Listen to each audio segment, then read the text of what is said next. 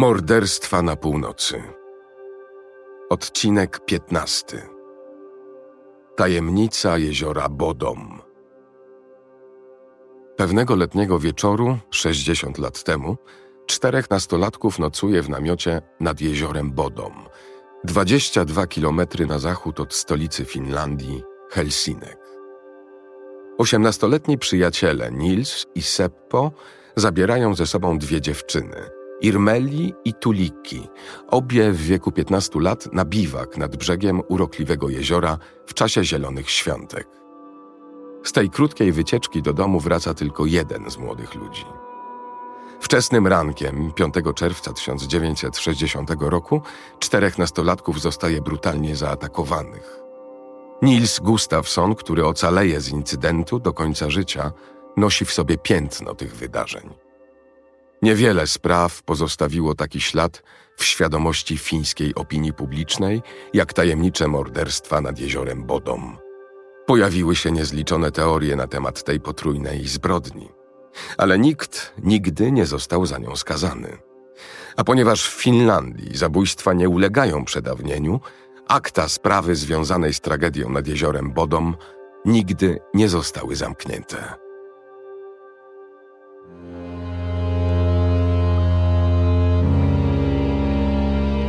Słuchasz Morderstw na Północy, serii podcastów o najgłośniejszych morderstwach Skandynawii.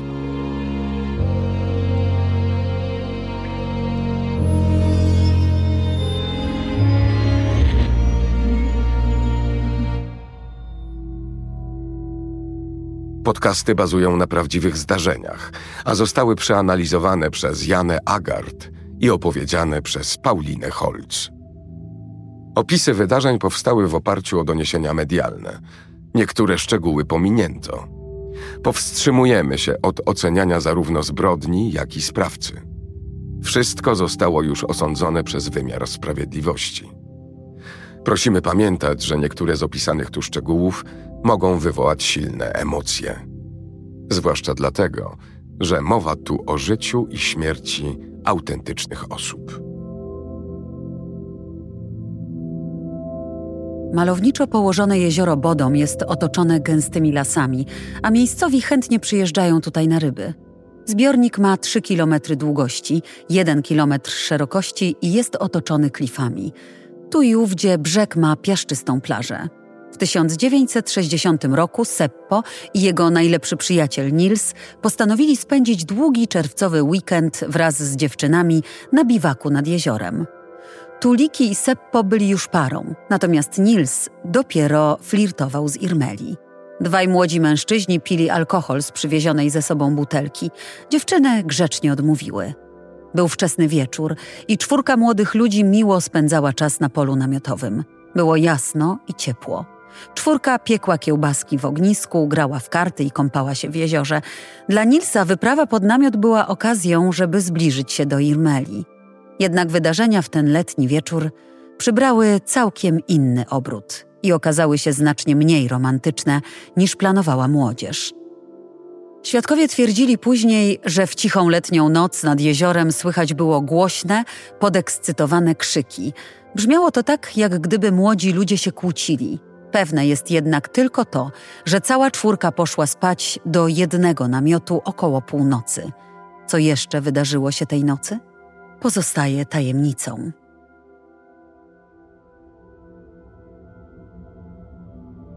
Następnego ranka czterech młodych ludzi zostało znalezionych przez młodą kobietę i jej kuzyna, którzy przechodzili obok pola namiotowego, idąc na poranną kąpiel w jeziorze. Pierwszą osobą, którą zobaczyli, był Nils. Połowa jego ciała leżała na zewnątrz namiotu. Był nieprzytomny, a zamiast twarzy miał krwawą miazgę. Młoda kobieta opowiedziała później o tym widoku stołecznej gazecie. Wyglądało to przerażająco. Twarz chłopaka była jedną wielką, krwawiącą raną. Pozostali nastolatkowie, których ciała w tym czasie były jeszcze w namiocie, nie wyglądali na tak ciężko rannych jak Nils. W nocy, gdy młodzi ludzie spali, namiot został pocięty nożem. Ktoś wszedł do namiotu i pozbawił czwórkę przyjaciół przytomności, uderzając ich kamieniem. Następnie Seppo i dwie dziewczyny zostali zamordowani nożem. Irmeli zginęła od 15 głębokich ciosów w plecy. Kiedy znaleziono ofiary, ciało Tuliki znajdowało się częściowo na zewnątrz namiotu. Została uderzona kamieniem w potylicę, a ślady ciągnięcia świadczyły o tym, że udało jej się wyczołgać z namiotu. Sprawca zaciągnął później jej martwe ciało do niego z powrotem. Nils był poważnie ranny, ale jako jedyny przeżył. Miał rozcięcia na twarzy, uraz głowy od uderzenia w skroń i złamaną kość szczęki. Został zabrany do szpitala, ale ze względu na ciężkie obrażenia głowy nie pamiętał niczego, co się zdarzyło w nocy nad jeziorem. Pamiętał tylko, że cała czwórka poszła spać około północy, a on i Seppo wstali o świcie, żeby pójść na ryby. Potem jego wspomnienia się urywały. Młoda kobieta, która znalazła Nilsa i pozostałą trójkę, nigdy nie została przesłuchana przez policję. Trzeba przyznać, że w tym prowadzonym w 1960 roku śledztwie policyjnym było kilka oczywistych błędów i niedociągnięć. Poziom zaawansowania techniki kryminalistycznej nie był wówczas wysoki, więc policja musiała polegać na zeznaniach świadków. Znalazło się wśród nich wiele ciekawych, ale również sprzecznych ze sobą obserwacji. Po pierwsze, świadkowie słyszeli kłótnie. Po drugie, kobieta, która mieszkała w gospodarstwie w sąsiedztwie, widziała mężczyznę łowiącego ryby na plaży obok pola namiotowego, na którym biwakowała młodzież. Widziała też dwóch chłopców idących wzdłuż plaży. Na kamienistej plaży znaleziono złowionego okonia, co miało dowodzić, że świadek mówił prawdę. Policja podejrzewała, że Nils i Seppo wędkowali i zostawili na brzegu rybę. Jeśli to prawda, oznaczałoby to, że morderstwo zostało popełnione po tym, jak dwaj młodzi mężczyźni opuścili plażę i wrócili na pole namiotowe. Dlatego też ustalono, że zabójstw dokonano według zeznań świadków między godziną piątą a szóstą rano. Dwaj młodzi ornitolodzy zeznali, że wczesnym rankiem, gdy mijali pole namiotowe, widzieli blondyna oddalającego się od namiotu. Zgodnie z ich zeznaniami, poza namiotem miał spać jeszcze jeden młody człowiek. Równie dobrze mógł to być Nils, którego nieprzytomne ciało wystawało do połowy poza namiot. Niedaleko od namiotu młodzieży siedział inny świadek, mężczyzna, który czekał na przyjaciela. Planowali pójść razem na ryby. Świadek przebywał w tym miejscu od czwartej do ósmej rano i nie słyszał żadnych krzyków ani innych hałasów z pola namiotowego. Gdyby morderstwa popełniono między piątą a szóstą rano, powinien był coś usłyszeć. Ze względu na zanik pamięci Nils nie miał możliwości potwierdzenia lub obalenia różnych zeznań świadków. Wskutek tego śledztwo szybko utknęło w martwym punkcie. A Nils, jak twierdził, nie był w stanie odtworzyć wydarzeń z tej tragicznej nocy. Podjęto nawet próbę przesłuchania chłopaka pod hipnozą, ale nie przyniosła ona efektu. Nic nie było w stanie przywrócić mu pamięci. Eksperyment przeprowadził dr Steinbeck, a podczas hipnozy Nils podał szczegółowy opis osoby, która tej nocy zaatakowała namiot. Zapamiętał m.in. fragmenty czerwonej i czarnej odzieży noszonej przez sprawcę. Nie potrafił jednak podać motywu ataku. W jego oczach był to zupełnie nieznany człowiek. Jeśli cztery osoby wchodzą do namiotu, trzy z nich zostają zamordowane, a czwarta wychodzi żywa, można by pomyśleć, że podejrzenia padną na osobę, która przeżyła. Jednak w 1960 roku tak się nie stało. W Finlandii w latach 60. mieszkało wielu mężczyzn obciążonych traumami powojennymi, którzy musieli żyć z bliznami na duszy. Wielu cierpiało na nerwicę wojenną. Przypadłość tę znamy dzisiaj pod nazwą zespołu stresu pourazowego.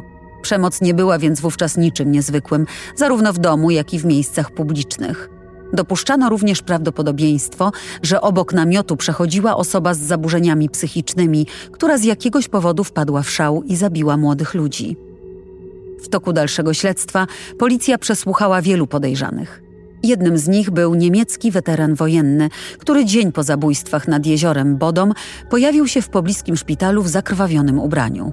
Młody lekarz, który go leczył, napisał później książkę.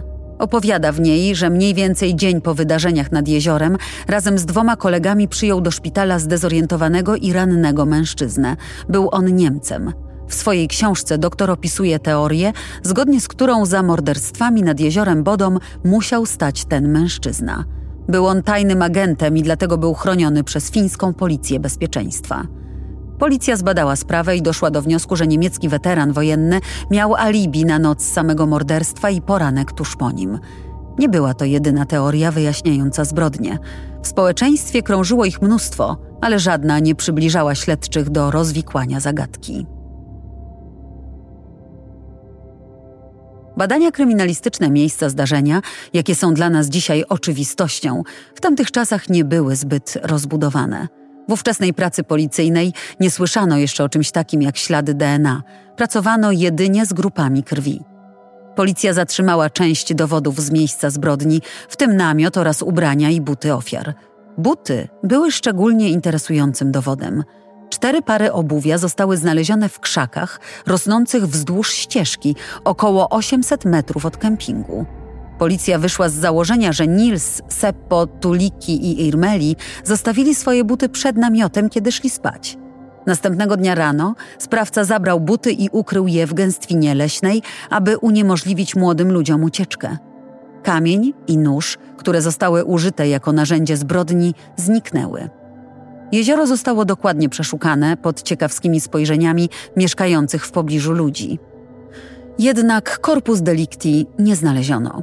Również zabezpieczenie miejsca zbrodni pozostawiało wiele do życzenia. W poszukiwaniu sprawcy okolice przeczesywało mnóstwo nieupoważnionych osób. Trudno było więc zabezpieczyć jakiekolwiek ślady na terenie biwaku i jego okolic. Nils wyszedł ze szpitala 23 czerwca 1960 roku, 18 dni po straszliwej nocy nad jeziorem Bodom. Być może chciał pozostawić te doświadczenia za sobą. Faktem jest jednak, że udało mu się po cichu wycofać ze sprawy. Wiele z jego działań podejmowanych po wypisaniu ze szpitala nie wyszło na jaw. Wiadomo tylko, że kilka lat po tym zdarzeniu ożenił się, miał dzieci i zaczął pracować jako kierowca autobusu w Helsinkach. Prowadził normalne życie rodzinne i nigdy nie wchodził w konflikt z prawem. Życie w Finlandii toczyło się dalej, choć upiorne morderstwa nad jeziorem Bodom w dalszym ciągu pozostawały wielką tajemnicą. Miało się to zmienić, gdy komisarz z Wydziału Kryminalnego Marku Tuominen w 2004 roku wyciągnął akta sprawy, by dokonać jej ponownej oceny. Zabójstwa nie podlegają w Finlandii przedawnieniu, a spektakularna sprawa nigdy nie została zamknięta. Komisarz Tuominen spojrzał na stare morderstwa z nowej perspektywy, zapisując sobie przy okazji całe mnóstwo pytań, na które nie znaleziono dotąd odpowiedzi. Czy Nils naprawdę był ofiarą? Chłopak przeżył, nie doznając obrażeń zagrażających życiu, natomiast pozostali nastolatkowie mieli rozbite kamieniem głowy, a następnie zostali zabici wieloma ciosami noża. Co się stało, że sprawca był tak dokładny i nieubłagany w mordowaniu całej trójki, natomiast pozostawił przy życiu Nilsa? U Nilsa stwierdzono obrażenia głowy, twarzy i złamaną szczękę. Irmeli, dziewczyna, która została zaproszona na biwak właśnie przez Nilsa, była osobą, która odniosła największe obrażenia. Zmarła w wyniku 15 ran kłutych, a jej ciało było całkowicie pozbawione ubrań. Oczywiście nie da się już ustalić, czy położyła się spać nago, czy też rozebrał ją sprawca. Ponadto buty młodych ludzi zostały wyjęte z namiotu i wrzucone do krzaków w niewielkiej odległości od miejsca, w którym biwakowała młodzież. Kiedy śledczy znaleźli parę należącą do Nilsa, zauważyli, że były one poplamione krwią po zewnętrznej stronie, a nie w środku. Były to więc prawdopodobnie buty sprawcy. W przeciwnym razie krew dostałaby się do ich wnętrza. Rozpoczęto kompleksową, kryminalistyczną analizę przedmiotów z miejsca zbrodni oraz zeznań świadków. W sierpniu 2004 roku 63-letni wówczas Nils trafił do aresztu. Dwa miesiące później został jednak zwolniony i oczekiwał na proces. Rok później, w 2005 roku, prokuratura postawiła Nilsowi zarzuty. Mężczyzna został oskarżony o trzy zabójstwa: Seppo, Irmeli i Tuliki. Przypuszczano, że w namiocie wybuchła poważna kłótnia. Młodzi ludzie zaczęli ze sobą walczyć, a sprawca doznał najlżejszych obrażeń. Współczesna analiza DNA wykazała, że na tkaninie namiotu znajdowała się jedynie krew Nilsa, Seppo, Tuliki i Irmeli. Według policji i prokuratury świadczyło to o tym, że sprawcą był jeden z nich. Nils został więc aresztowany. Mieszkańcy Finlandii natychmiast podzielili się na dwa obozy. Jedni wierzyli w niewinność Nilsa, a drudzy uważali, że to on popełnił mordy. Na rozprawie sądowej w Espo prokurator przedstawił nową wersję wydarzeń tamtego wieczoru. Teoria prokuratury opierała się na założeniu, że Irmeli odrzuciła zaloty Nilsa, co skończyło się jego wybuchem złości. Nastolatkowie głośno się kłócili, a Seppo przeszedł do rękoczynów. Wyrzucił Nilsa z namiotu i zawiązał od wewnątrz sznurki, aby chłopak nie mógł wejść z powrotem. Nils musiał być przepełniony zazdrością i wpadł w furię. Przyniósł z plaży kilka dużych kamieni, przeciął nożem tkaniny namiotu i brutalnie zabił trójkę przyjaciół. Twarze ofiar zostały rozbite kamieniem, a kiedy Irmeli próbowała uciec, Nils rzekomo dźgnął ją 15 razy w plecy. Jednym z dowodów na poparcie teorii prokuratury były buty Nilsa, które z zewnątrz były zachlapane krwią oraz fakt, że na butach wykryto krew wszystkich osób. Mogło to oznaczać, że Nils spał tej nocy nie ściągając butów, a sprawca najpierw je z niego zdjął, a po ataku schował. Mogło to oznaczać również, że Nils miał na sobie buty, kiedy zaatakował trójkę przyjaciół. Gdyby Nils w chwili ataku nie miał na sobie butów, wówczas po ich wewnętrznej stronie, podobnie jak w przypadku jego kolegów, znaleziono by ślady krwi. Według prokuratury była to jednoznaczna wskazówka, że to właśnie Nils jest mordercą. Jednak jak nowe zarzuty wobec Nilsa miały się do ustaleń śledztwa z 1960 roku? Nils zawsze twierdził, że nie może sobie przypomnieć niczego, co działo się tamtej nocy. Specjalista od hipnozy, dr Steinbeck, który zahipnotyzował Nilsa w 1960 roku, uznał za całkiem prawdopodobne, że chłopak cierpiał na utratę pamięci. Traumatyczne wydarzenia mogą zostać wyparte do tego stopnia, że nie da się ich później odtworzyć bez konieczności szukania jakichkolwiek wspomnień w podświadomości. Doktor Steinbeck nie miał wątpliwości co do niewinności Nilsa. Zadał więc prokuraturze pytanie: jak to się stało, że doznał tylu obrażeń głowy, skoro sam popełnił morderstwa? Nie sądzę, aby Nils Gustafsson był winny. Prokurator odparł jednak, że obrażenia Nilsa mogły być skutkiem brutalnej walki z Seppo. A według policyjnego śledztwa nie było śladów krwi, które mogłyby sugerować obecność piątej osoby w namiocie. Nils musiał mieć więc na sobie buty, gdy popełniał morderstwa. W dalszej części procesu do pracy przystąpili obrońcy oskarżonego, dokładnie analizując postawione mu zarzuty. Śledztwo policyjne było pod wieloma względami wadliwe. Dotyczyło to w szczególności niewłaściwego przechowywania dowodów, a mianowicie prezentacji ich przedstawicielom mediów, którzy dotykali ich gołymi rękoma. Początkowo w namiocie zabezpieczono pięć noży, które następnie zbadano. W późniejszym czasie zaginęły one jednak w policyjnych archiwach. Ubrania ofiar morderstwa zostały przekazane ich bliskim. Zniknęły portfele, zegarki i inne wartościowe przedmioty. Śledczy i prokuratura postawili zarzut, że Nils specjalnie ukrył te rzeczy. Chciał upozorować morderstwo na tle rabunkowym. Ale kiedy miałby to zrobić? Pytali obrońcy. I gdzie miałby je ukryć? Irmeli prowadziła pamiętnik – Pamiętnik miała ze sobą również w namiocie. Pisała w nim też tego feralnego wieczoru, prawdopodobnie przed pójściem spać. Teraz obrona wyciągnęła pamiętnik jako kartę atutową. W pamiętniku Irmeli nie było ani słowa o tym, że tego wieczoru doszło między czwórką młodych ludzi do kłótni. A co z nieznanym blondynem, którego kilku niezależnych świadków widziało spacerującego tego dnia o szóstej rano w okolicy miejsca zbrodni? Czy nadal rozważano, że to on mógłby być sprawcą? Ostatnią próbą udowodnienia winy Nilsowi były zeznania komisarza Marku Tuominena, który został wezwany przez prokuraturę na świadka. Komisarz zeznał, że podczas jednego z pierwszych przesłuchań Nils powiedział: Co się stało, to się nie odstanie. Daje to 15 lat. Zdaniem Tuominena należało to interpretować jako przyznanie się do winy. Tamtym czasie wyrok do żywocia oznaczał w rzeczywistości 15 lat więzienia. Jednak nic takiego nie zostało odnotowane w raporcie z postępowania przygotowawczego, a zeznanie komisarza pojawiło się dopiero na późniejszym etapie postępowania. Sąd postanowił więc nie brać pod uwagę tego enigmatycznego przyznania się do winy, koncentrując się na nieznanym blondynie przebywającym w pobliżu miejsca zbrodni. Sędziowie uwzględnili również fakt, że Nils był zwykłym człowiekiem, który prowadził skromne życie i nie miał niczego na sumieniu. Opisywano go jako na ogół spokojnego, zrównoważonego mężczyznę z poczuciem humoru. Sąd zgodził się z tą oceną i w październiku 2005 roku Nils został uniewinniony. Jednocześnie za 59 dni, które spędził w więzieniu, przyznano mu odszkodowanie w wysokości około 45 tysięcy euro. Prokuratura nie odwołała się od wyroku. Dziś Nils Gustafsson jest już od dawna na emeryturze. Nie wierzy, że morderstwa jego przyjaciół zostaną kiedykolwiek rozwiązane. Jest tylko jedna możliwość. Morderca sam się zgłosi i przyzna do winy. Ponieważ jednak minęło tyle czasu, jest raczej mało prawdopodobne, że tak się stanie. Powiedział mediom po uniewinnieniu.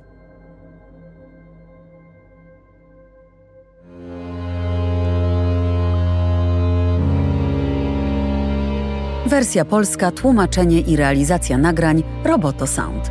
Czytała Paulina Holz.